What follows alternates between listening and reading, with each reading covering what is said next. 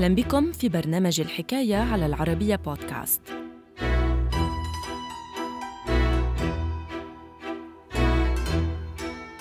بين عامي 1789 و 1799 لم تلقى الثورة الفرنسية تأييدا في مدينة ليون، فعاقبها الثوار بأشنع الطرق.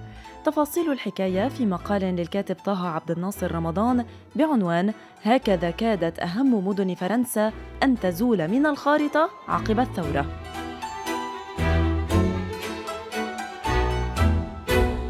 الحكاية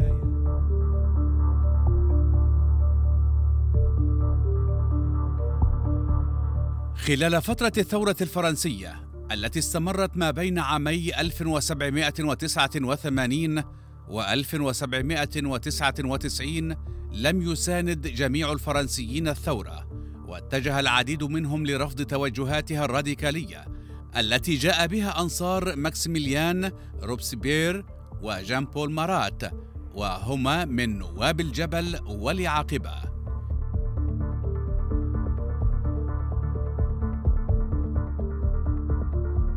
إلى ذلك مثلت مدينة ليون أبرز المدن التي عارضت هذه السياسات الراديكالية واتجهت في المقابل لمساندة السياسة المعتدلة للنواب الجيرونديين بقيادة جاك بيير بريسو. ومع بداية النزاع بين الراديكاليين الجمهوريين والمعتدلين الفيدراليين واعتقال النواب الجيرونديين بالمؤتمر الوطني صنفت مدينة ليون كعدوة للثورة. واتهم سكانها بمساندة الملكيين والفيدراليين.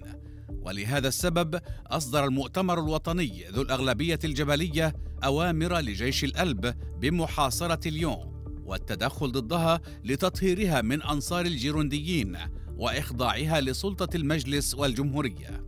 وحل حوالي 25 ألفا من قوات جيش الألب بقيادة الجنرال فرانسوا كريستوف دي كليرمان قرب ليون أواخر يوليو عام 1793 وبحلول أغسطس جاء ما يزيد عن أربعين ألف عنصر من قوات الحرس الوطني لدعم فيالق جيش الألب ومحاصرة هذه المدينة التي مثلت نقطة ربط بين فرنسا والدويلات الإيطالية.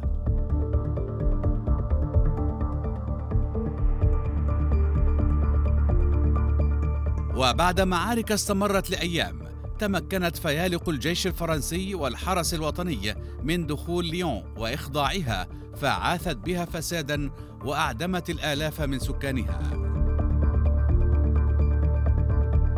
وبناء على العديد من المصادر أقدم النائب بالمجلس الوطني والعضو بنادي العاقبة ووزير الشرطة والداخلية المستقبلي بعهد نابليون بونابرت جوزيف فوشيه على إعدام حوالي 1900 شخص بشوارع ليون رميا بالرصاص عقب إجبارهم على حفر قبورهم بأيديهم.